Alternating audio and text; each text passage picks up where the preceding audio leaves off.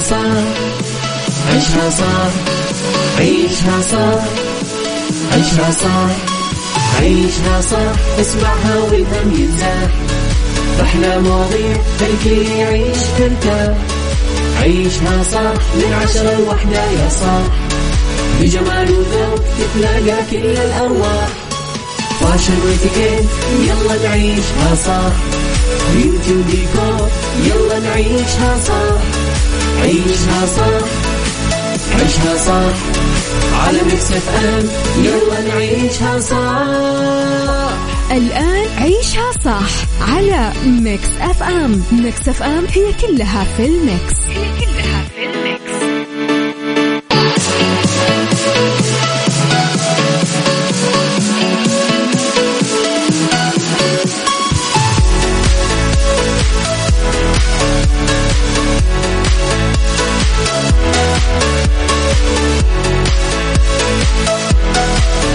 السلام عليكم ورحمة الله وبركاته. حياكم الله يا أهلا وسهلا فيكم في يوم جديد. لأن في يوم الاثنين الجميل هذا. اليوم ال- يعني مميز جدا زي ما نقول. لا هو في بداية الأسبوع ولا هو في وسط الأسبوع. هو الجزء الثاني من بداية الأسبوع. أمس خلصنا الأحد اليوم نبتدي بالاثنين يعني. إذا وصلنا الثلوث فنحن راح نعرف نحن وصلنا لمنتصف الأسبوع. لكن إن شاء الله أيامكم كلها سعيدة مهما كان هذا اليوم إن شاء الله يكون يوم لطيف عليك. آه، ما في زحمة الأجواء لطيفة. هذا المطلوب توصل دوامك كنت مروق لا في اجتماعات آه، تضيع وقتك ولا أي شيء. لا تكون مستانس ومغير جو. طيب عزيزي أرحب فيك آه، على ثير ذات مكسفين من 10 إلى 1 الظهر. راح نكون سوا. ساعتنا الأولى هي أخبار منوعة أيضا ساعتنا الثانية راح تكون موضوع النقاش راح نسولف نعرف آه، فكرتك تجربتك في الحياة مواضيعنا اللي راح نطرحها باستمرار. كل يوم عندنا موضوع متغير متميز أكيد بمشاركاتكم.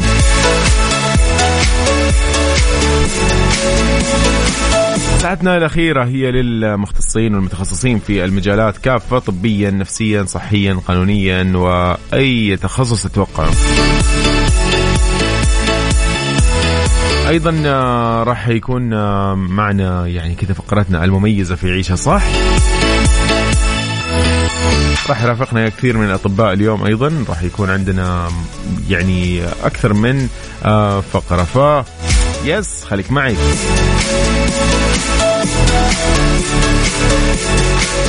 نحن معكم على كل منصات التواصل الاجتماعي على صفر خمسة أول شيء على الواتساب على صفر خمسة أربعة ثمانية وثمانين أحداش سبعمية. أيضا على تويتر at Mix FM Radio وكل منصات التواصل الاجتماعي الأخرى مثل تيك توك سناب شات فيسبوك انستغرام ويوتيوب كلها على نفس هذا الاسم Mix FM Radio تطبيقنا Mix FM Radio KSA على جوالك. أيضا آه، موقعنا الرسمي Mix FM dot SA yes ارحب فيك. أنا بأغنية جميلة The Weeknd عيشها صح مع يوسف مرغلاني على Mix FM Mix FM هي كلها في ال mix. هي كلها في الميكس.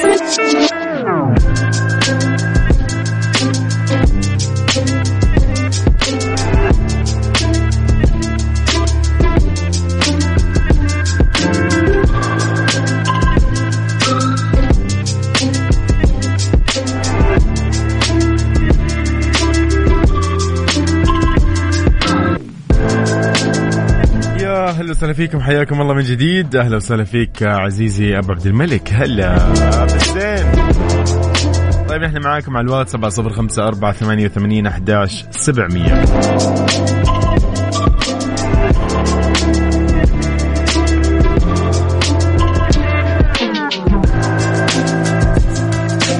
آه أيضا من أخبارنا أو خبرنا الأول في ساعتنا الأولى.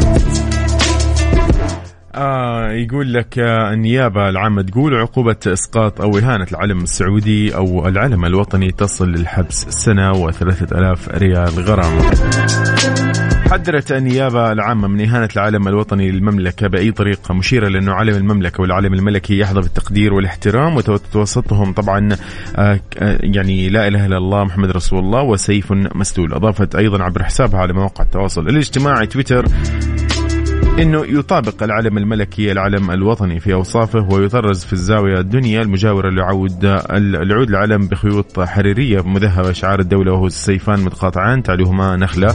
أوضحت النيابة العامة انه كل من أسقط أو أعدم أو أهان بأي طريقة كانت العالم الوطني أو العلم الملكي أو شعار آخر للمملكة العربية السعودية. كراهة أو احتقار بسلطة الحكومة وكان ذلك علنا أو في محل عام أو في محل مفتوح للجمهور يعاقب بالحبس مدة تصل إلى سنة وبغرامة تصل إلى 3000 ريال.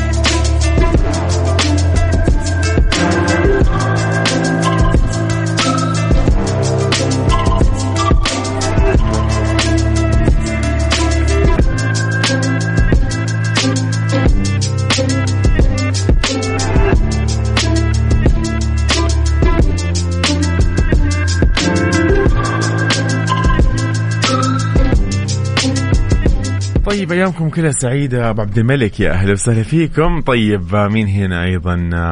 أوبا. شو اسمك؟ إيهاب. ها هلا وسهلا إيهاب. طيب على هالموضوع اللي سولفنا فيه ضروري نسمع عن حاجة جميلة كذا صراحة يعني بهالخبر الأول. اسمع عاش سلمان لعبد المجيد عبد الله وراشد الماجد بعد مكملين في عيشها صح. أيامكم كلها سعيده إن شاء الله. وين ما تكون انتبه يا صديقي على طريقك وسواقتك. الأجواء متقلبة شوي لأن الغبار اليوم في جدة. عيشها صح مع يوسف مرغلاني على Mix FM. Mix FM هي كلها في ال mix. هي كلها في ال mix.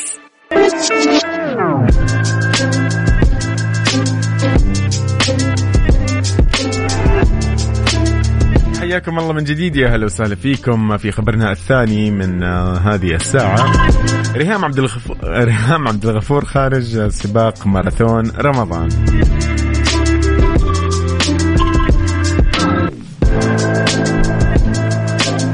تقول يا أبو عبد الملك الأدرينالين ألف. سارونا يا صباح الخير أهلا وسهلا فيك. طيب أبشر يا سارونا ولا يهمك. أهلا. وسهلا أيضا باللي اخر رقمك آه ثلاث تسعات ستة آه يس بس ترسل رقمك ومدينتك فقط. وصباح الخير عليك. اذا آه، في خبرنا يقول إنه آه، طبعا خلال الفترة الماضية صار في أخبار إنه كثير من الفنانين خرجوا من آه، سباق ماراثون رمضان وطبعا في أسباب مختلفة.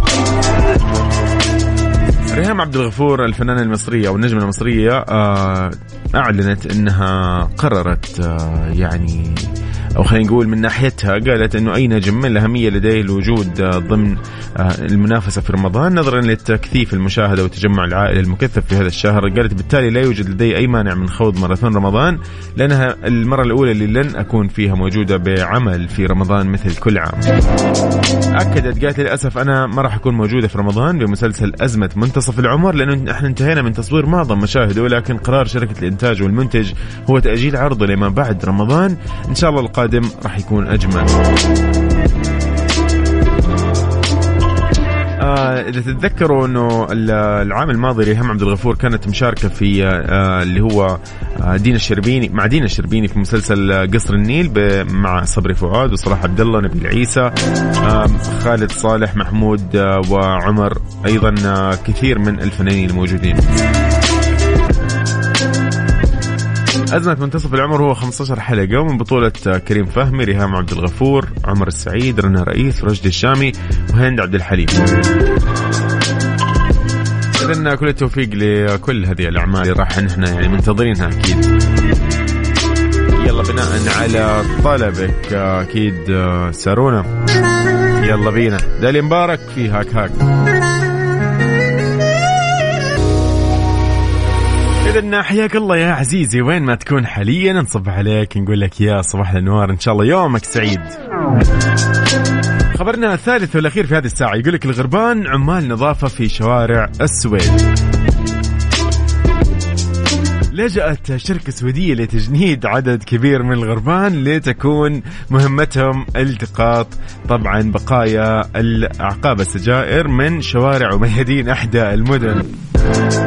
أوضح طبعا صحيفة بريطانية أن شركة سويدية ناشئة ومقرها في منطقة سودرتاليا القريبة من ستوكهولم قررت أنها تستغل طيور الغربان في مهمة إزالة بقايا السجائر أو عقاب السجائر. يعني في المقابل راح تمنعها بعض الطعام.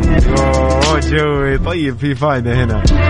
طبعا من خلال آلة صمتها خصيصا يحصل الغراب على الطعام مقابل كل عقب سيجارة يضعه بها. الله عليهم الحركة.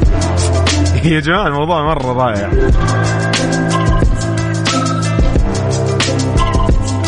طبعا يقول لك قال مؤسس الشركة إنه الغربان المستخدمة ما هي إلا طيور برية تشارك على أساس تطوعي.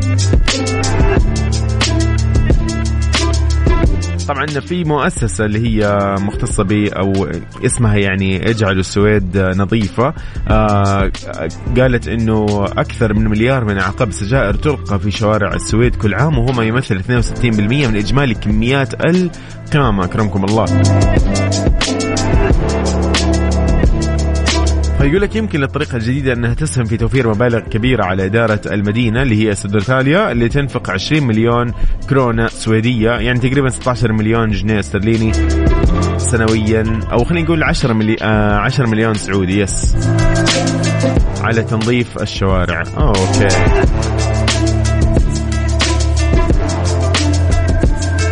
لأنه يقول لك عقول الغربان تمتاز بقوة تفكيرها لأنها تفكر بما يعادل إنسان بالغ من العمر سبع سنوات. يعني أكيد سبحان الله شيء جميل صراحة.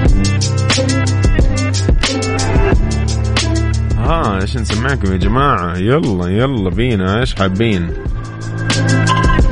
إيش ودكم؟ نروح مع الجميلة جدا. yes. يلا بينا. هو ده ده صباح الخير عليكم من جديد. انت تاني لهيفه. بنرجع شوي بالوقت. إحنا حاليا في عيشها صح. Mix FM وأنا يوسف. أرحب فيك. كيف راح تواصل معنا؟ كيف راح نقول لك صباح الخير؟ على صفر خمسة أربعة ثمانية ثمانين أحداش سبعمية على الواتساب. صح مع يوسف مرغلاني على Mix FM. Mix FM هي كلها في ال mix. هي كلها في ال mix.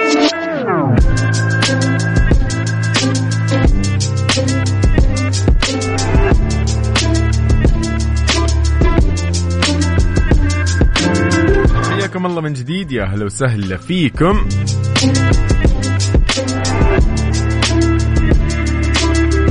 عزيزي يقول لك الحين النايفات للتمويل تحت إشراف البنك السعودي المركزي تقدم لك اليوم أفضل الحلول التمويلية للأفراد للشركات الصغيرة الشركات المتوسطة وغير كذا أيضا النايفات عندهم بطاقات فيزا بمرونة ولا أسهل. لو ودك يعني.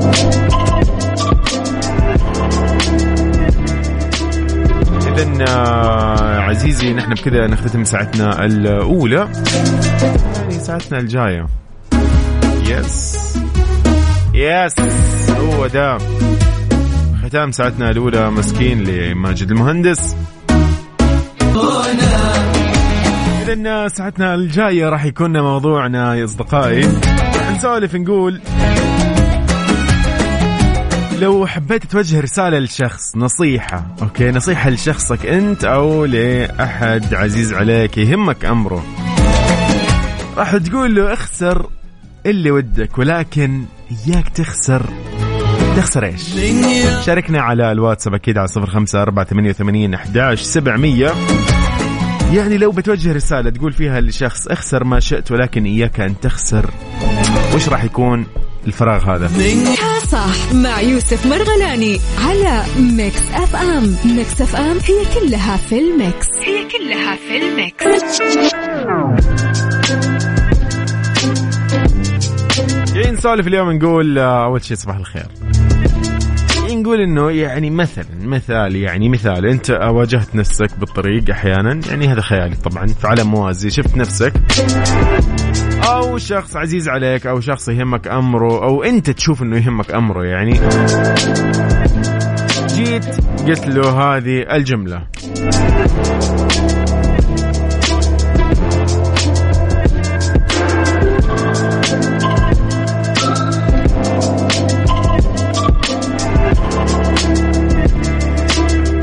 تقول له هذه الرسالة وهذه الجملة تقول له اخسر اللي ودك يا صديقي ولكن إياك أنك تخسر.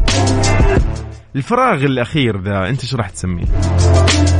إياك تخسر مثلا صديقك إياك تخسر أهلك إياك تخسر وظيفتك إياك تخسر أخلاقك. إياك تخسر يعني نفسك مثلا.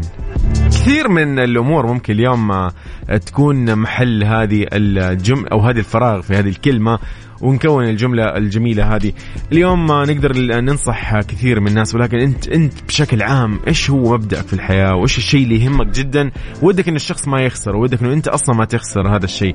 إن واجهت نفسك في يوم إيش راح تقول لنفسك؟ راح تقول لنفسك اخسر اللي ودك لكن لا تخسر الشيء الفلاني، وش هو هذا الشيء الفلاني اللي أنت ودك؟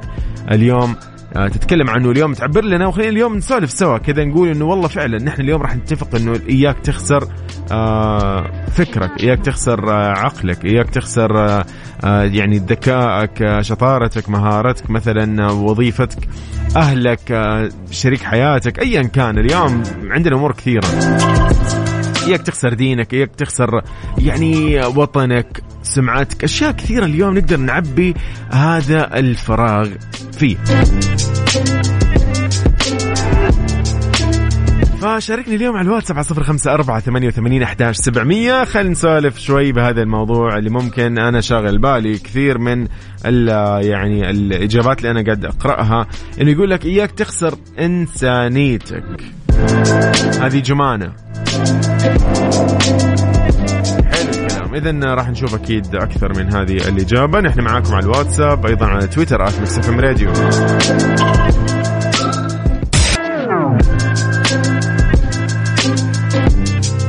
والله عجبني هذه آه، نهى تقول إياك تخسر فلوسك. والله نهى يعني كلام سليم. كلام سليم.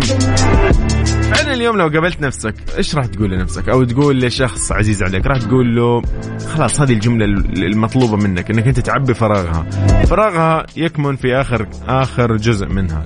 راح تقول له اخسر اللي ودك لكن لا تخسر الشيء الفلاني. وش هو ذا الشيء الفلاني اللي راح أنت ممكن اليوم آه يعني تحط في هذا الفراغ؟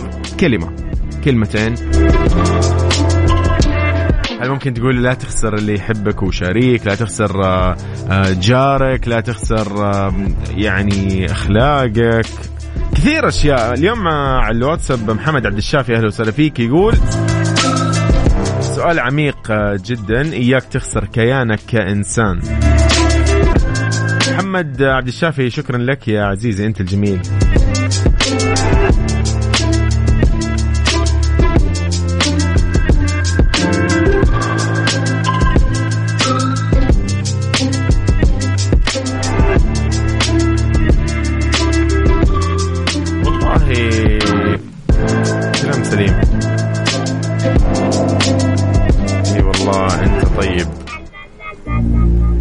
نوال الكويتية في أنت طيب. أكيد آه، اليوم من ضمن موضوعنا الجميل هالأغنية الجميلة. طيب أنا منتظر إجابتك على الواتساب على صفر خمسة أربعة ثمانية وثمانين أحداش سبعمية وعلى تويتر إم راديو. وش راح تقول للشخص المميز بالنسبة لك؟ راح تقول له مثلا اخسر اللي ودك لكن لا تخسر إيش؟ وش هو ذا الشيء اللي ودك إذا نسولف ونسولف اليوم عن هذا الموضوع. قاعدين نقول إنه لو بتوجه رسالة تقول اخسر اللي ودك لكن لا تخسر إيش؟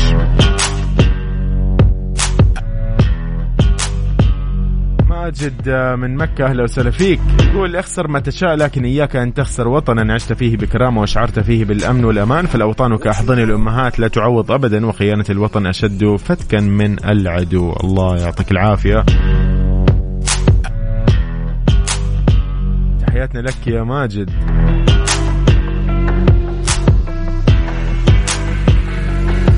ماجد أيضا من مكة. طيب ماجد الدعجاني يقول صديقنا ما شاء الله تبارك الله اليوم كم مجهود عندنا؟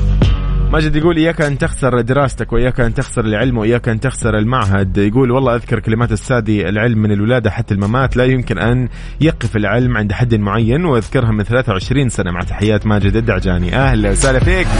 Astronaut in the Ocean لكن بريمكس جميل ل Masked Wolf. يلا بينا. كيف راح تشاركني على الواتساب؟ صفر خمسة أربعة ثمانية وثمانين أحداش سبعمية. طيب لو قلنا أنه اليوم في موضوعنا أنه إياك أن يعني أخسر اللي ودك لكن أنا حاب أقول لك اليوم إياك أن تخسر هذا العرض. راحة عاملة منزلية بالساعة. بمناسبة قرب شهر رمضان المبارك يعني إن شاء الله الله يجيب علينا بالخير والبركة. مسوين عرض شهر رمضان بالمجان فلا يفوتك فعلا هذا العرض. ادخل على تطبيق راحة وتعاقد على باقة شهرين. راح يعطيك شهر رمضان مجانا على تاريخ أول زيارة للعرض قبل 28 من فبراير. هدية راحة لكل بيت في رمضان مجانا. يعني راحة لكل بيت فراحة يعني أكيد من سماسكو. Mix FM. Mix FM. Saudi's number one hit music station.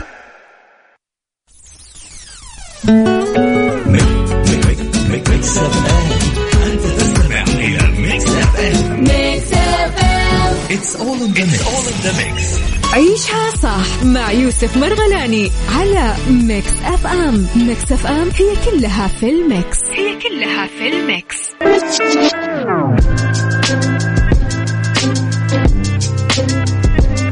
نواف يقول آه، صباح الخير عليكم إن شاء الله يا رب. يقول أنا أنصح إنه فعلا دائما هذه الجملة اللي ما تفارق ما تفارقك يعني دائما. اخسر ما تشاء ولكن إياك أن تخسر استقرارك النفسي. حلو الكلام. حلو الكلام يا نواف. يومك سعيد إن شاء الله يا صديقي.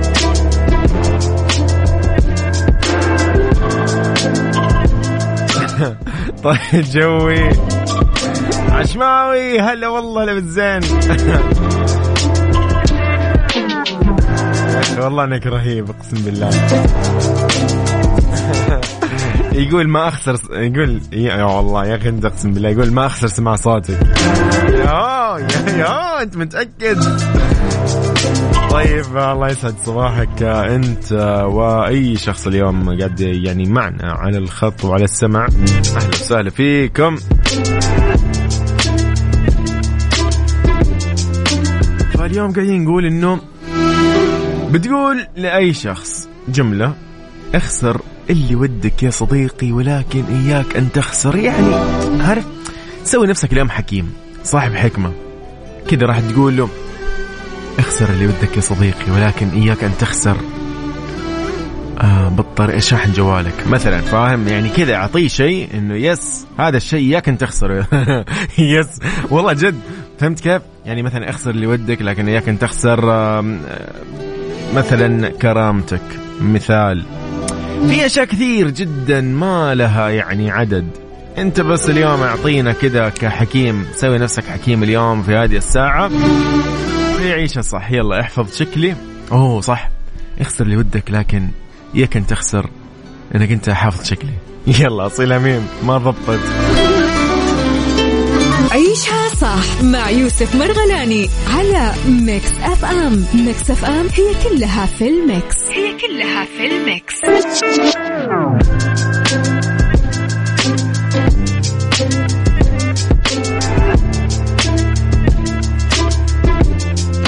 إذا جيناكم بالذهب في يوم التأسيس.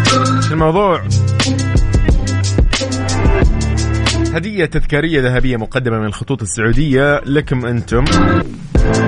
كل اللي عليك يا عزيز إنك أنت تعبر عن مشاعرك تجاه هذا اليوم وتجاه هذا التاريخ. تاريخ وطننا بأي طريقة أنت تبدع فيها. ارفع المشاركة على هاشتاج حين ولد المستقبل في السوشيال ميديا بشكل عام. وفالك الذهب إن شاء الله مع الخطوط السعودية الناقل الوطني. فعلا اليوم نتشرف بهذا الناقل.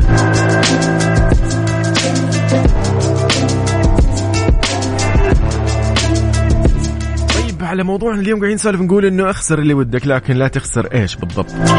أبو صالح آه، أو أبو فيصل هلا وسهلا فيك أبو فيصل هلا هلا هلا. يقول آه، اخسر كل شيء إلا عملك الصالح آه، أبو فيصل. يقول yes اخسر اللي ودك إلا عملك الصالح. أخوكم أبو فيصل من الرياض. أهلا وسهلا فيك.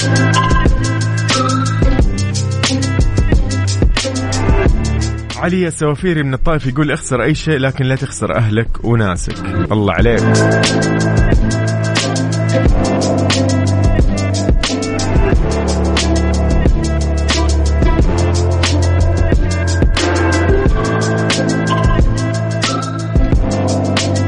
الله الله الله الله الله الله الله. يا ماجد عبد الله إيش هالكلام؟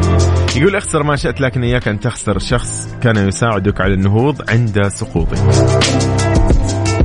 ما جالي حب العلن يا سيدي لذتك بالخفا يا كبرها. الله عليك. أبو لانا يا أهلا وسهلا فيك. يقول الاشتياق رواية حنين لا يمكن شرحها في سطور والانتظار حكاية وجع لا يمكن تلخيصها في كلمات ولكن يبقى في القلب شعور يفوق تفاصيل الكلام لذلك يبقى الاشتياق سرا في القلب لا يشعر به من عاش إلا من عاش تفاصيله فهنالك أو فلذلك تشتاق إليكم آه، أو نشتاق إليكم وإلى أيام جمعتنا بكم في زمن عز أو عز فيه الاشتياق. الله عليك. أبو أصيل أنا بالزين شو الرسائل الجميلة هذه. طيب نختم ساعتنا موضوعنا. يس يعني إياك تخسر ثقتك بنفسك. هذا هو اليوم ممكن أيضا أنا أقول وأضيفه على كلامكم الجميل. كلامكم هو الأساس طبعا ولكن أنا عندي فكرة أيضا أنه لا, لا تخسر ثقتك بنفسك يا عزيز عشان أي أحد. أول كلام لتامر حسني تمورة. كملين أكيد في برنامج عشاء صح إلى واحد الظهر. يلا بينا الله معكم تبعوا حالكم. نشوفكم في ساعتنا الجاية. يلا باي. Mix FM. Mix FM. Saudi's number one hit music station. عيشها صح مع يوسف مرغلاني على Mix FM Mix FM هي كلها في ال mix. هي كلها في ال mix. بالدنيا صحتك. بالدنيا صحتك. ضمن عيشها صح. برعاية مجموعة أندلسية العربية للخدمات الطبية. على Mix FM Mix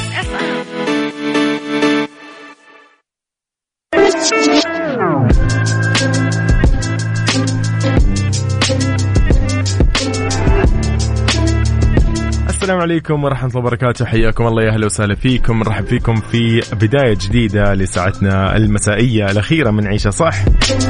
تتميز هذه الساعة بأنها يعني متخصصة باستضافة يعني خلينا نقول المختصين الاستشاريين الأطباء وغيرهم في هذا المجال. اليوم في بالدنيا صحتك. راح ينورنا الدكتور أحمد لطفي عبد الحليم استشاري جراحة المخ والأعصاب والعمود الفقري. اليوم الحلقة راح تكون يعني خلينا نقول اختصاصية بحت. مطلوب منك عزيزي بس تركز معنا. لو عندك أي استفسار أيضا راح يعني بإذن الله الدكتور يعني يسعدنا وإنه يكرمنا بإجابة على هذا الاستفسار.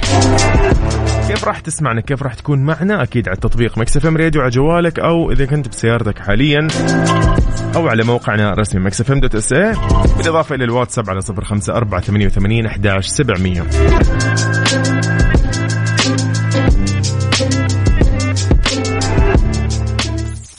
عيشها صح مع يوسف مرغلاني على Mix FM. Mix FM هي كلها في ال mix. هي كلها في ال mix. بالدنيا صحتك. بالدنيا صحتك. ضمن عيشها صح.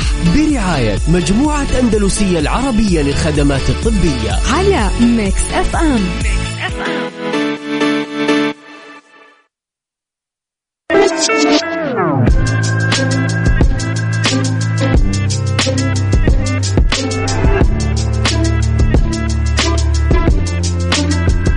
حياكم الله من جديد يا أهلا وسهلا فيكم اسمحوا لي أرحب بضيفي اليوم في استديوهات مكسفين في جدة الدكتور أحمد لطفي عبد الحليم استشاري جراحة المخ والأعصاب والعمود الفقري أهلا وسهلا فيك دكتور أهلا وسهلا بيك ومرحبا بكل المستمعين يا. مرحبا. إن شاء الله تبقى حلقة مفيدة بإذن الله. حياك الله يا أهلا وسهلا فيك. دكتور خلينا نبدأ شوي كذا بموضوعنا.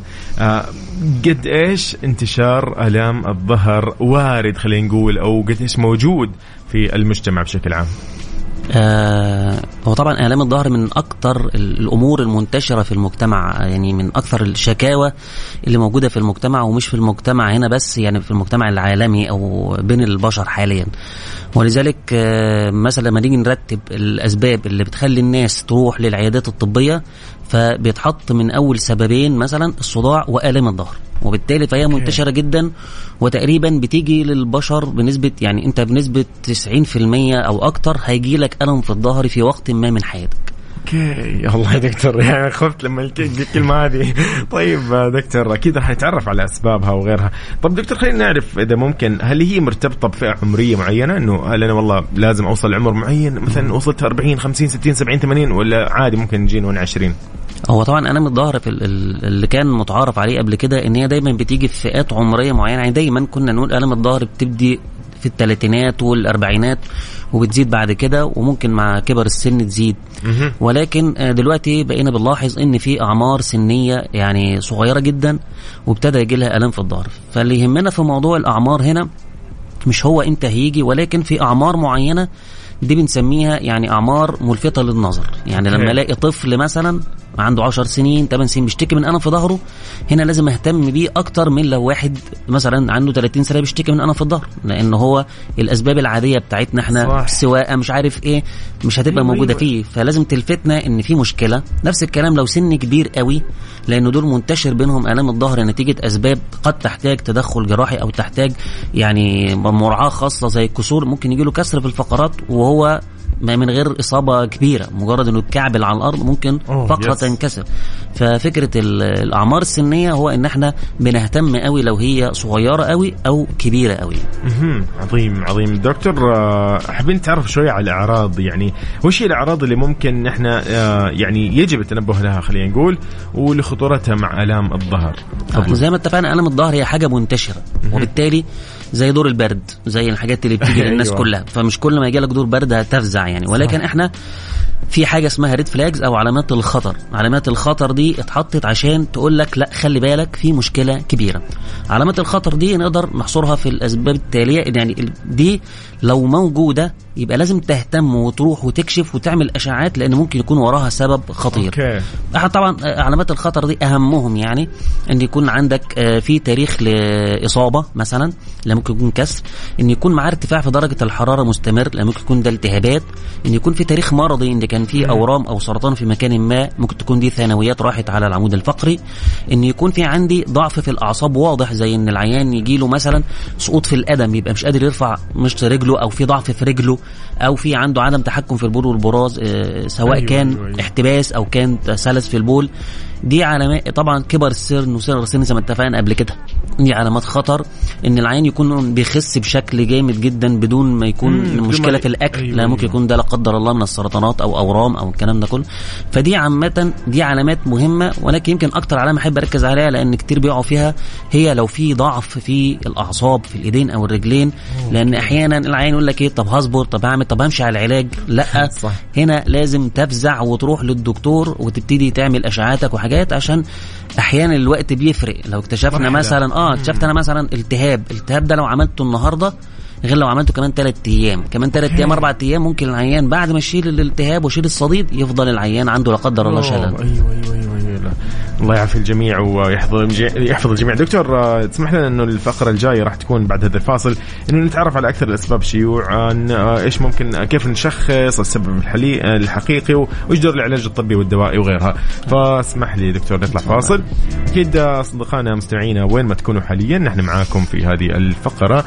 بالدنيا صحتك اليوم ضيفنا الدكتور أحمد لطفي عبد الحليم استشاري جراحة المخ والأعصاب والعمود الفقري. عندك أي استفسار على الواو 7054 88 11 700 عيشها صح مع يوسف مرغلاني على Mix FM. Mix FM هي كلها في ال mix. هي كلها في ال mix. بالدنيا صحتك. بالدنيا صحتك. ضمن عيشها صح. برعاية مجموعة أندلسية العربية للخدمات الطبية. على Mix FM. Mix FM.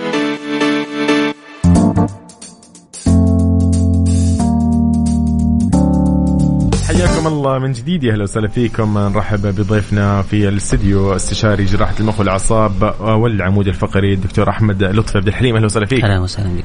دكتور كنا تكلمنا قبل هذا الفاصل عن انتشار الآلام وإيش المرتبطه بفئة عمرية وإيش الأعراض. دكتور خلينا نتعرف شوية عن أكثر الأسباب شيوعا خلينا نقول لالام الظهر. أكثر شيء ممكن نشوفوه في المرضى والمراجعين. طبعا هو آلام الظهر ليها أسباب كتيره جدا يعني. ولكن إحنا بنقدر يعني ودي الغريبة إن أكتر سبب لآلام الظهر يعني هو اللا سبب أو اللا محدد. يعني إيه؟ إحنا بنقسم دايما آلام الظهر لثلاث مجموعات. فبيجي لنا عيان بيشتكي من الم في الظهر بنحطه في مجموعة من الثلاثه في مجموعة اللي هي اتكلمنا عليها اللي هي مجموعة العلامات الخطر أو ال red flags اللي هي الإشارات الحمراء. yes اللي إحنا قلنا عليهم دول. دي مجموعة لازم تتعامل معاها بسرعة جدا ولازم تبتدي اشعاعاتك وحاجاتك بسرعة. فدي المجموعة ال- الأولى يعني دي ليها أسباب خطيرة اللي هي زي ما اتفقنا سواء سرطان أو كسر أو التهابات في العمود الفقري. ودي مش شائعة مش كتير. أيوه. خلاص دي من فضل ربنا سبحانه وتعالى. الحمد لله. مجموعة تانية والمجموعة دي بنسميها المجموعة الأعراض العصبية. دول اللي بقى عندهم حاجات زي عرق النسا عرق النسا ده عبارة عن هو مش مرض هو عرق النسا ده عرض. كتير يقول لك هو أنا عندي عرق النسا ولا لا؟ هو. هو عرق النسا ده عرض. أي ألم في رجلك من أول فوق خالص من أول الظهر لح- لحد صوابعك تحت ده اسمه عرق نسا. أيوه. خلاص؟ له أسباب كتير بقى. لكن إحنا بنتكلم على إن المجموعه دي اللي هو عنده عرق النسا أو عنده آه بيجي له مثلا شد في رجله مع المشي أو الكلام ده كله اسمها أعراض عصبية. مم. دول غالبا بيبقى ليهم سبب في العمود الفقري زي مثلا انزلاق غضروفي أو ضيق في القناة العصبية. دي مجموعة تانية وبرضه مش كتير. okay. المجموعة الكبيرة واللي في بعض الدراسات حتى في أوروبا بتوصل ل 80% من الام الظهر. يعني نقدر نقول لها من 60 ل 80% من الام الظهر. المعظم بيسموها non-specific يعني غير محددة. محددة، أيوة. اللي هو ما تقدرش تمسك سبب معين ولكن هي مجموعة أشياء كتير. والناس دول غالبا بيبقى أسلوب الحياة الخاطئ هو السبب. لأن إحنا للأسف بنعيش دلوقتي ما يسمى sedentary life يعني إيه؟ حياة الساكنة. إحنا كل حاجة بنعملها بوسيلة أو إحنا قاعدين. بنروح حتى في ناس بتروح ال- البقاله السوبر ماركت تاخد عربية بالضبط. نعم؟ عربية سكوتر آه. آه، ياخد سكوتر ياخد عربية المهم إن أنت مفيش أي رياضة بتتمارس آه بنقعد فترات طويلة بحكم أشغالنا دلوقتي معظمها مكتبية ومعظمها في قاعدة أو. بتقف فترات طويلة فالحياة الحياة الغلط دي زي ما بنقول أو أسلوب الحياة الخاطئ بالضبط. ده أحد أكتر الأشياء وبالتالي لما بتبتدي تعدل اسلوب حياتك يعني في ناس كتير كان عندهم الام في الظهر مجرد مثلا إنه خس وزنه لعب رياضة صح. ابتدى يقعد بشكل سليم يعني إحنا بنقول الجلوس القاتل إيه الجلوس القاتل ده اللي هو أكتر من نص ساعة انت لو لاحظت حتى في ال digital watch اللي هي الساعة الرقمية دلوقتي صح. لو انت قعدت أكتر من نص ساعة بيديك علامة يقول لك. قوم. ينبهك صح، صح. لأنه ده خطأ يعني أسوأ الأشياء على الظهر مش شيل التقيل ولا الوقفة الكتير بالعكس الجلوس الكتير فعشان كده بنقول دايما الجلوس لازم كل نص ساعة بالكتير تقوم وتتحرك خمس دقايق وتفرد ظهرك وهكذا أوكي. فلازم نبعد عن الأسباب المهمة اللي إحنا اتفقنا عليها وأهمهم أسلوب الحياة في حاجات بقى غير الظهر نفسه ممكن تعمل ألم في الظهر. يعني في حاجات بتسمع في الظهر. ودي نعرفها إن بنلاقي أعراض في أماكن تانية. يعني اللي عنده مشكلة في المعدة وقرحة ممكن يسمع في ظهره. اللي عنده مشكلة في البنكرياس ممكن يسمع في الظهر. اللي عنده مشكلة في ال... وأماكن كتير. وبالتالي بس بنعرفها بإيه؟ بأعراض تانية. اللي عنده مشكلة في الكلى مثلا يعمل في الظهر لكن هتلاقي معاه حرقان في البول هتلاقي فيه مشكلة في الحالب هتلاقي وهكذا. أي، رحبان. فعشان كده لازم لما يبقى فيه ألم في الظهر ومستمر ومش مستجيب للعلاجات البسيطة لازم تراجع الطبيب عشان خاطر الطبيب هيبتدي يعرف أسباب. يعني أنا أتذكر حالة من الحالات برضو طفلة جاية لي وبيشتكوا مشكلتها الم في الظهر. بس أنا لما شفت الطفلة الطفلة عندها أعراض تانية بتودي في سكة تانية خالص. وبالفعل بعد ما عملنا فحوصات والكلام ده كله طلع عندها يعني ربنا يعافينا جميعا عندها سرطان في الدم. اللوكيميا. أيوه أيوه, أيوة. بس هم جايبينها إيه؟ في وجع في الظهر. يا حرام بس هي أيوة، عندها. أعراض تانية يعني عندها أعراض واضح إن أنيميا واضحة إن في مشكلة في النفس إن في كذا فده شككني في حاجة ف... صح. فلما عملنا الفحوصات فعشان كده لازم تروح لطبيب عشان يقول لك هل ده مشكلة من هنا ولا من هناك؟ ويوجهك. لتخصص تاني. صح صح صح صدقت دكتور. آه، دكتور كيف ممكن طيب اليوم نحن زي ما تفضلت وقلت نشخص إنه سبب حقيقي أو آه، يعني لالام الظهر. تفضلت وقلت إنه في ثلاث أسباب تقريبا واحدة منها هي غير محددة. طيب كيف ممكن إحنا اليوم نحدد أو نشخص؟ الدكتور كيف ممكن. يشخص سبب حقيقي لالام الظهر؟ تمام. هو أهم نقطة ودي نقطة يعني قد يغفل عنها حتى بعض الأطباء يعني. إن أهم وسيلة متوفرة للطبيب للتشخيص الأولي هو الكشف وسماع المريض. يعني دي نقطة مهمة جدا. لازم لما تروح للدكتور يسمعك كويس ويسمع أعراضك كويس جدا. وبعدين يكشف عليك كويس جدا. لو الطبيب بعد ما عمل دول ما كانش عنده تشخيص أولي يعني حاصر نفسه في حاجة أو اتنين يبقى هو فشل في مهمته. فعشان كده أول وسيلة للتشخيص هو الكشف الجيد. لأن أنا شفت حالات بتقع وتفقد بسبب إن الكشف ما كانش جيد أيوة. يعني مريض يشتكي من إن رجليه ما بتتحركش فيبتدي تعمل له أشعاعات على أماكن معينة من الفقرات لو طبيب كان عمل مثلا فحص بسيط للإحساس أيوة. كان هيعرف إن المشكلة في الفقرات الصدرية مثلا. ولكن تلاقيه عمل اشعاعات على الفقرات القطنية وعمل على العمود الفقري فوق على الفقرات العنقية وعمل على المخ وكله طالع سليم. والعيان عمال بيفقد منك وفقد الحركة. مجرد ما أنت بتفحصه بس تلاقي مستوى إحساس يدل على حتة معينة. فاللي عايز أوصل له إن الكشف وسماع المريض ده ثلاث أرباع التشخيص. الاشعاعات بتيجي عشان انت بقى خلاص انت وصلت ان في مشكلة في المنطقة الفلانية. إيه المشكلة دي؟ وهل محتاجة تدخل جراحي ولا لا؟ فدور الطبيب ان هو زي ما قلت لك ان هو لازم يحط العيان في فئة من الثلاثه اللي قلنا عليهم دول. لما يجي لي العيان هل ده في الريد فلاجز يبقى أنا لازم ابتدي استخدم ادوات الايه؟ التشخيص. طبعا ادوات التشخيص دلوقتي إحنا عندنا الحمد لله تطور كبير جدا. يعني ما عادش الاشعات العادية بس ما عادش كذا. ودور الطبيب انه يحدد إيه الوسيلة اللي هتساعده. يعني مثلا في الاصابات حوادث وكده بنفضل الأشعة المقطعية مثلا على الرنين. أيوة أيوة أيوة. ولكن لو في الأمور الباردة يعني العيان جاي وما حصلش إصابة بفضل الرنين. في أحيان ممكن ألجأ رنين بالصبغه لو أنا شاكك أيوة في حاجة أيوة. معينة محتاجة صبغه زي ال multiple sclerosis أو التصلب المتعدد أو حاجات زي كده. فالأساليب المتوفره كتير ولكن الأهم من هذه الأساليب هو إن الطبيب يكون فاحص كويس جدا ويكون عارف أنا هوجه لأي جزء الفحص وهوجه أي فحص لهذا الجزء. وإلا يبقى مجرد ان لأن في ناس متخيلة إيه؟ الطب تقدم وأروح أعمل أشعة على كل الفقرات أيوة، أيوة. وهجيب التشخيص. واحيانا كمان أنت ممكن تعمل أشعة ودي نقطة جميلة جدا إن الام ار اي أو الرنين أيوة، المغناطيسي إحنا بنسميه over diagnosing بيدي تشخيصات أكتر من اللازم. صح. يعني أحيانا واحد يجيب لي أشعة يقول لي إيه رأيك في الأشعة دي؟ أشوف حاجات يعني كوارث وقد تحتاج تدخل جراحي. لكن لما بشوف المريض وافحصه اكتشف إن آلامه ملهاش علاقة مثلا. يعني إحنا عندنا مثلا حاجة اسمها العضلة الكمثريه أعراضها مشابهة تماما للإنزلاق الغضروفي. okay. فيجي لك عيان بعرق نسا وبيصوت وتمام ماشي مع غضروف. أيوة أيوة أيوة. تعمل أشعة رنين تلاقي مفيش حاجة تفسر هذا الكلام. فيبقى أنت تشخيصك راح في حتة تانية خالص. فالمهم هو ربط الأمور ببعضها. okay. يعني الدكتور لازم يربط الأعراض اللي عندك مع الفحص اللي عمله مع الأشعة. لو ما عملش كده يا هيشخص غلط ممكن يعمل عملية غلط كمان. آه. فدايما لما تروح للطبيب ركز إن الطبيب يسمعك كويس وتقول له كل الأعراض وكل حاجة وما تحاولش تشخص أنت لأن في كتير بيخش يقول لك والله أنا أصلا عندي غضروف يس ما, يس ما تكلمش الدكتور كأنك دكتور كلمه إنك مريض.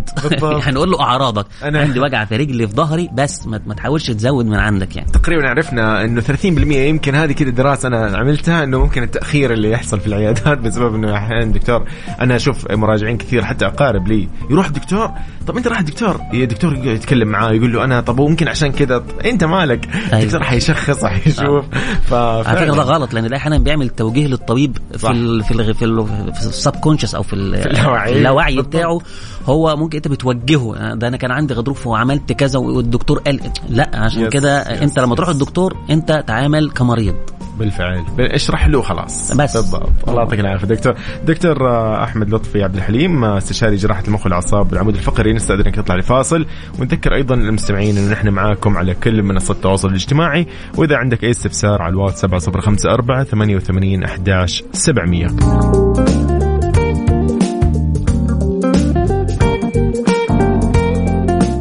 بالدنيا صحتك. ضمن عيشها صح. برعاية مجموعة أندلسية العربية للخدمات الطبية. على Mix FM, Mix FM. صح. مع يوسف مرغلاني على Mix FM Mix FM هي كلها في ال mix. هي كلها في ال mix. بالدنيا صحتك. بالدنيا صحتك. ضمن عيشها صح. برعاية مجموعة أندلسية العربية للخدمات الطبية. على Mix FM Mix Thank you.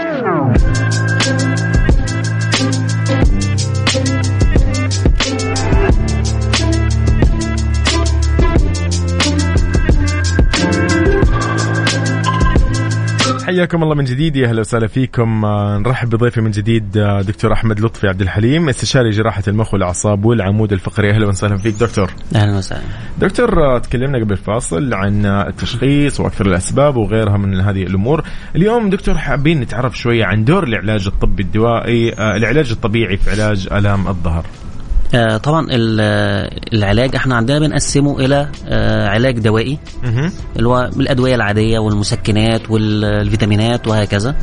وفي علاج اللي هو العلاج الطبيعي واللي هو دون بيقوم عن طريق التمارين أو عن طريق استخدام ultrasound أو عن طريق infrared أو آه، وسائل العلاج الطبيعي الحديثة كلها. وفي عندنا العلاج اللي هو قليل التداخلية أو بنسميه minimal invasive ودون وزي الحقن وزي التردد الحراري وغيرها من أساليب الايه قليلة التداخلية. وأخيرا في العلاج الجراحي. طبعا إحنا معظم الأسباب العادية يعني غير ال red flags أو غير الأسباب الخطيرة وليها معظم آلام الظهر غالبا يعني بنسبة كبيرة 90% تستجيب على الوسائل التحفظية سواء كان علاج طبي بس أو علاج طبي وطبيعي. وبالتالي فآلام الظهر العادية تستجيب لمسكن مع راحة مع اتباع التعليمات السليمة زي ما اتفقنا في الجلوس أو الكلام كله تجنب الأسباب اللي بتزود آلام الظهر. معظم الحالات بتستجيب مع العلاج الدوائي. طبعا العلاج الدوائي بعض الناس بتسأل السؤال ده برضه عشان ده مهم جدا.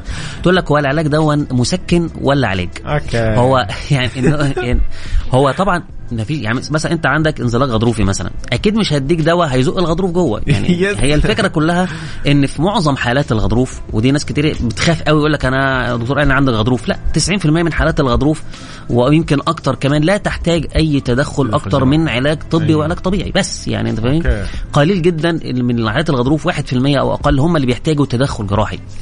وبالتالي فانت معظم الحالات أنت بنسبة 99 95% أنت لن تحتاج إلى أي تدخل جراحي أو أي تدخلات غير العلاج الدوائي، العلاج عظيم. الدوائي الغرض منه أنا بديك مسكن أو بسط عضلات أو فيتامين، الغرض منه إيه؟ إن أصلا الانزلاق الغضروفي أو أي سبب ممكن هو بنفسه يبتدي الألم يقل، كان في أيوة التهابات أيوة. حوالين العصب كان الغضروف كبير شوية بعد شوية بيبتدي يحصل إنه بينشف الميه الفيل تقل، الالتهابات اللي كانت موجودة تبتدي تقل، فأنا كل الهدف من العلاج هو إن أنا بقلل الألم بتاعك عشان أوكي. تقدر تمارس حياتك بشكل طبيعي في الفترة اللي فيها التهابات شديدة. Yes. بعد كده مجرد ما هي تنتهي والعلاج نفسه كمان فيه مضاد التهاب وبيدي فيتامين عشان يقوي العصب انت بنفسك هيبتدي الألم يقل وهي دي المشكلة بتاعتك. انت مشكلتك الألم. آه. لكن ممكن يبقى عندك غضروف يعني علميا لو جبنا 10 من الشارع وعملنا لهم أشعة رنين على ظهرهم وهم ما بيشكوش من ألم الظهر أصلا في خمسة منهم عندهم بروز في الغضروف وفي اثنين عندهم غضروف منفجر. وبالتالي فمش معنى أنت عندك غضروف يبقى لازم يبقى بعمل حاجة. لا خلاص لو عندك غضروف والالم راح يبقى انتهت المشكلة. بالضبط. فدي نقطة أولية إن العلاج الطبي والعلاج الطبيعي العلاج الطبيعي طبعا له دور جامد جدا. هو مهم جدا في تقوية العضلات فتح مخارج الأعصاب. تستهينوا فيه الدم آه لا العلاج الطبيعي أنا رأيي إن هو من أهم وسائل علاج آلام الظهر دلوقتي والأهم من العلاج الطبيعي لما الدكتور يكتب لك علاج طبيعي تتعلم من طبيب العلاج الطبيعي إن التمارين اللي هتستمر عليها بعد كده. العلاج الطبيعي هو بداية لأسلوب حياة وليس مجرد هاخد 12 جلسة صح. ولا 16 جلسة وأروح بيتنا وأرجع زي ما كنت. لا ما أنت لازم تستمر. الوسائل التداخلية بقى لو أنا عملت ده كله وبعد شهر شهر ونص لسه في ألم ببتدي أعمل وسائل تداخلية بسيطة. مثلا زي إن أنا بعمل حقن في مفاصل الفقرات والحقن دون فيه حاجات كتير ابتدت من أول الكورتيزون لحد ما ابتدينا حاجة اسمها PRP اللي هو مستخلص البلازما وحاجات كتير بتستخدم في الحقن. وفي التردد حراري الجهاز بيخش يبتدي يكوي العصب بتاع الإحساس okay. يقلل الألم. فده برضو دي كلها اسمها علاج ألم وله دور كبير جدا بالذات في اللي إحنا اتفقنا إن 80% non-specific اللي هو أنا مش عارف أصلا أو مش قادر أمسك حاجة معينة مفيش انزلاق غضروف مفيش كذا.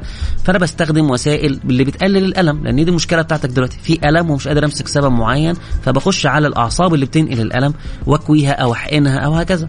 بعد ده كله في تدخل جراحي في تدخل جراحي في بعض الحالات بقى. زي ما اتفقنا الحالات طبعا ال red flags كلها أيوه. لو في سبب قوي زي ما اتفقنا ورم سرطاني زي في كسر كده ده تدخل جراحي. خلاص واخد بالك؟ واحيانا بيبقى عاجل جدا زي ما اتفقنا لو معايا أعراض اللي هي ضعف في القدمين احتباس في البول والبراز أحيانا بيبقى التدخل الجراحي العاجل هنا ضروري جدا لانقاذ ما يمكن إنقاذه. صح. وإلا ممكن العين يفضل طول عمره بعد كده عايش بشلل في رجله. والتدخل الجراحي طبعا له أنواع كتير يعني. فنناقشهم برضو مع بعض. أكيد أكيد دكتور.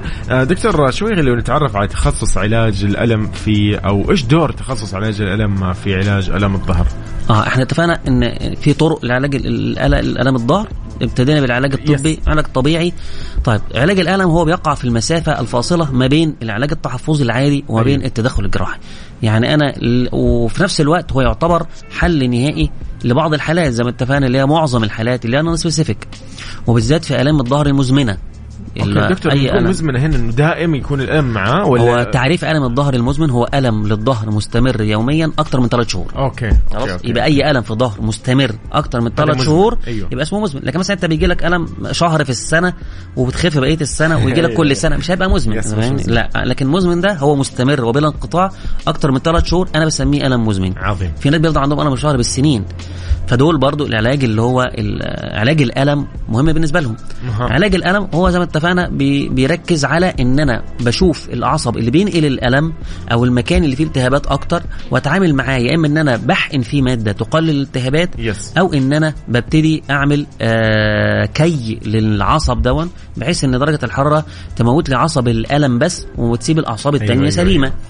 فله طرق كتير جدا طبعا يعني آه، زي ما اتفقنا الحقن المواد نفسها بتختلف دلوقتي. وبقى في مواد كتيرة بتختلف كمان في طرق دلوقتي بقى في ممكن أدخل قسطره في القناة العصبية وابتدي احقن مواد واخد بالك ممكن باستخدام منظار خاص بالفقرات أيوة. واخد بالك اللي هو flexible endoscope بخش في آه، من هذه. تسمى دكتور آه، عل- علاجية طبية بس ما هي جراحية صحيح؟ آه أيوة، آه، أيوة. طالما ما فيش فتح للجلد صح، ك- yes, كبير yes, yes. ما أو ما فيش آه، إن جوه أنت بت- بتحط آلات أو كده أيوة، ده أيوة. ما نعتبروش جراحة يعني. أيوه أيوه يعتبر آه، طب علاجي. فعلاج الألم أنا شايف إن هو دلوقتي من الحاجات المهمة واللي لازم الناس تحطها في اعتبارها دايما وخاصة إن هو آثاره الجانبية مش كبيرة. يعني دايما بنقول يعني انت لو ما استفدتش مش هتنضر كتير في ان انت يتعمل لك مثلا حقن أو يتعمل لك تردد حراري. الحاجات دي مش مؤذية قوي زي التدخل الجراحي مثلا أو كده. وتبقى حاجة ممكن تجربها قبل الجراحة أها. عشان ممكن بيها تتجنب الجراحة. صح. ممكن. آه، دكتور آه، نحن تكلمنا عن متى نلجأ للجراحة و... أو بس حابين شوي نعرف آه، أنواع الجراحات في ألم الظهر، إيش ممكن نختار الأنسب؟ مين ممكن يختار أصلا الأنسب هنا؟ الدكتور طبعا ولا هي عدة أطباء مع بعض راح يشتركوا في الموضوع؟ تمام. هو النقطة دي مهمة لأن بعض الناس دماغهم بتبقى زي ما تقول متسيستمة أو متوجهة في اتجاه معين، هو أيوة. هيعمل عملية في الفقرات يبقى لازم منظار مثلا. آه، يعني أيوة. منظار وإلا فلأ يعني. أيوة. فدي مشكلة. وبعض الناس يقول لك إيه هتعمل عملية بالليزر ولا من غير يعني فالتوجهات دي غلط. واحد أساتذتي علمني كلمة جميلة جدا.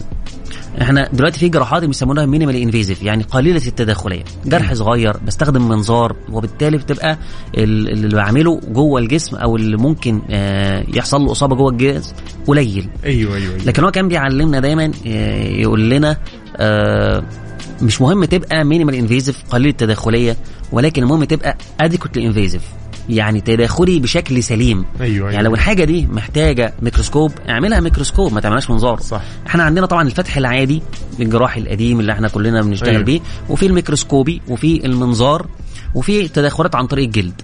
خلاص فاللي بيحدد هنا في حاجتين بيحددوا مهارة الطبيب يعني ال- ال- الحالة نفسها اللي عند المريض. يعني ما ينفعش يبقى أنا عندي مثلا غضروف وكبير وسادد القناة العصبية وعندي ضيق في القناة العصبية وأقول للعيان أنا هعمل لك منظار. ما- غير منطقي. هنا لأن أنا هنا محتاج أعمل توسيع للقناة العصبية محتاج أشيل عظم بكمية كبيرة ومحتاج أتعامل مع الغضروف بشكل واضح وصريح. فهنا لو دخلت المنظار أنا هنا بزنق نفسي زي ما بيقولوا. وفي نفس الوقت مش هعمل للعيان المطلوب بشكل جيد. وهنا العيان ما استفادش. استفدت ان أنا عملت له منظار وجرح صغير بس هو ما استفادش ان هو ما شالش أيوة، المشكلة. أيوة، أيوة. ما تعملش على شكل كويس. فعشان كده ال- التحديد الأول هو نوع ال pathology أو نوع المرض أو إيه العلة اللي موجودة وأنا هتعامل معاها. هل دي ممكن بمنظار تنجاب يبقى خير وبركة. أيوة، طب أيوة. لا ده محتاجة ممكن آه أعملها بس مش لازم فتح كامل ممكن ميكروسكوب. آه، جميل. لا ده دي محتاجة فتح بقى كامل وأشتغل شغل كل حاجة باينة قدامي يبقى لا أعملها فتح كامل. okay، okay. فدي العامل الأول. العامل الثاني مهارة الطبيب نفسه. معلش يعني أنا أنت لو جيت مثلا أنا طبيب ما بشتغلش منظار مثلا. مثلا. يعني مثلا. فوجالي عيان ومحتاج منظار. فما ينفعش إن أنا آه، أعمل نفسي إيه؟ يعني أقول ما اجرب فيه. لا ما ينفعش. لازم. الطبيب أنا متمرس في ده بالضبط. هعمله. وأنا متمرس في الميكروسكوب هعمله آه أنا؟ فكل ما تقدر تجيد يعني الطبيب اللي يقدر يجيد أكثر من شكل بيبقى قدرته على إنه يختار أسهل okay. إنما أنا طبيب مثلا واحد ما بيعرفش يشتغل لا ميكروسكوب ولا منظار فطبيعي ان هو هيشتغل كل حاجة بالفتح العادي أو yes، واحد ميكروسكوب بس وهكذا. فهم عاملين بيحددوا إيه المشكلة آه كمشكلة مرضية وإيه قدرات الطبيب. ولكن مش العيان اللي بيخ... أنت ممكن تقترح. أوكي. يعني ممكن تقول طب ما ينفعش نعملها كذا أيوة أيوة أيوة.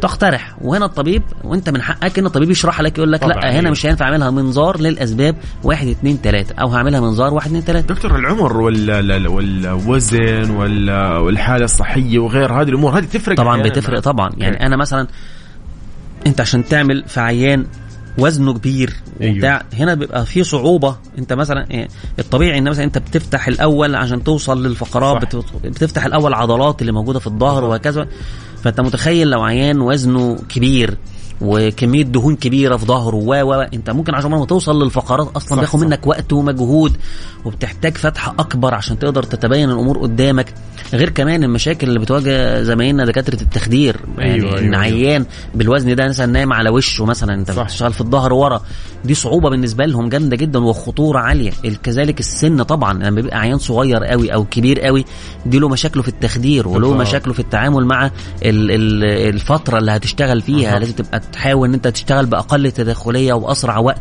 عشان خاطر ما يتعرضش لتخدير كتير ومشاكل كتير من مجرد الوضع بتاعه. فطبعا لأ يعني العيان نفسه الع- من المشاكل اللي بتقابلنا ودي بنناشد الناس كتير عليها التدخين. okay. التدخين بيأثر طبعا. العيان اللي نايم على وشه دون وكذا ومدخن مشكلة جامدة جدا لزمايلنا في التخدير. دكاترة التخدير بيتعبوا جدا في إن العيان دون ينام كويس ويصحى كويس وتبقى له مشاكل بعد okay، الجراحة. okay، أيوة، التئام أيوة. الجرح بيبقى مش كويس في المدخنين.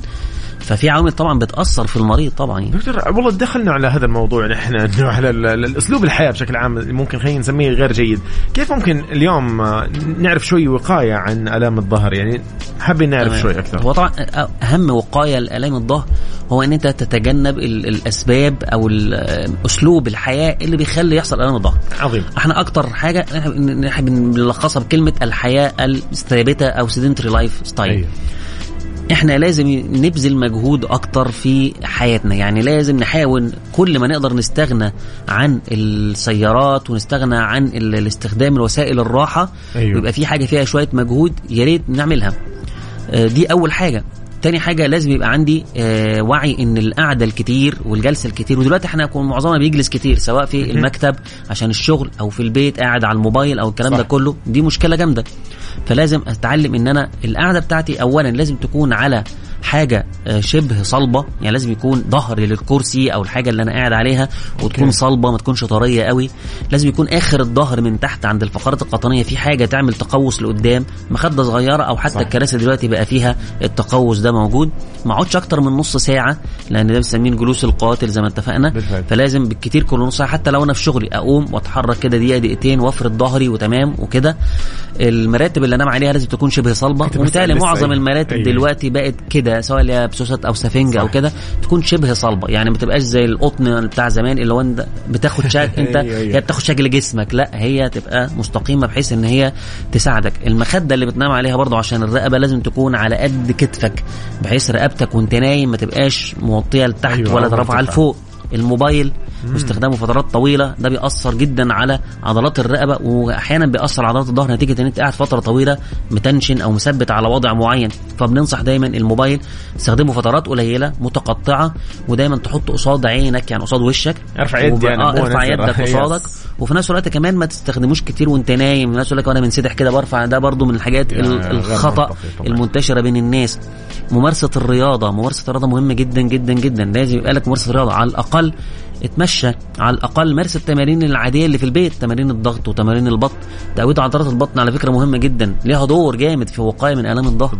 فدي إن أنت تعيش عيشتك صح دي من أهم الحاجات اللي تخليك تتجنب آلام الظهر بشكل كبير حتى في السواقة لو هتسوق مسافات طويلة لازم كل ساعة تنزل من العربية وتبتدي تفرد ظهرك بالضبط. كويس دي كلها أنا في حاجات الطيارة والله أحيانا رحلات آه. طويلة أكثر من ثلاث أي ساعات قعدة صراحة. طويلة لازم والله تقوم حتى لو أروح آه. يعني دورة مياه اغسل يدي وأرجع كيف بس أنت عارف لو تقف. حتى تقف حتى يس. في مكانك وتفرد ظهرك وتتمطع يس. زي ما بنقول كده. دي في حد ذاتها هتفرق معاك دكتور آه قبل ما نختم سؤال كذا على قولهم مو الختام اللي هو دكتور آه دائما نمشي أحيانا آه، نسوي رياضة ويا كان فجأة يقول لك آه ظهري ألمني طب ما المشي آه. هاي هنا هنا يخ- يختلف عشان هم عندهم مشاكل مرضية يكون ولا عشان المشي لا هو؟ هنا ممكن يكون سبب من الاثنين يا إما هو أصلا عنده مشكلة وهو مارس الرياضة وهو لا يعلم إنه عنده مشكلة فأدت إلى هذا الألم أو السبب الثاني إن هو يكون الرياضة نفسها هو مارسها بشكل خاطئ. فعشان كده بننصح دايما لما تروح تلعب رياضة وبالذات أنا عارف بقى طبعا الشباب وال bodybuilding والكلام ده كله مسيطر عليهم فبننصحهم دايما آه، في تمارين معينة ما تحملش على نفسك أكتر من اللازم بالذات تمارين الظهر. وبالذات أيوة، تمارين أيوة. ال free اللي هو أنت بتشيل وزن free مش أيوة. مسنود بأي حاجة yes، yes. دايما أقول له لأ لو أنت تقدر تشيل 50 شيل 40 لو تقدر تشيل كذا دي مهمة تاني حاجة حاول إن أنت تمارس الرياضة تحت إشراف واحد يكون متمرس ومتدرب وعارف التمرين إزاي يتمارس بشكل صحيح لأن أنت. ممكن ممارسة التمرين بشكل خاطئ تعمل لك مشكلة جامدة تعمل مزق في العضلة أحيانا في ناس شفنا حصل لهم كسر في الفقرات نتيجة إن هو شايل وزن زيادة أو اتعافى على نفسه يس. وشال بشكل خاطئ فعشان كده دايما بنقول آه لا حرص على نفسك كنت بتلعب رياضة مارسها بشكل سليم ولو انت بتلعب رياضة وجالك ألم في الظهر ريح شوية مفيش مشكلة يعني لحد لما انت بس الألم أيوة، يقل أيوة. عشان ما يجيش تحمل على ظهر تعبان فيزيد الأمور أكتر زي لعيب الكورة اللي بيتصاب وبعدين يلعب. اللي بيحصل إن الإصابة بتتفاقم مش. بتتحل يعطيك العافية دكتور. آه، اليوم كذا فعلا حنعيشها صح بإذن الله مع هذا الكلام الجميل.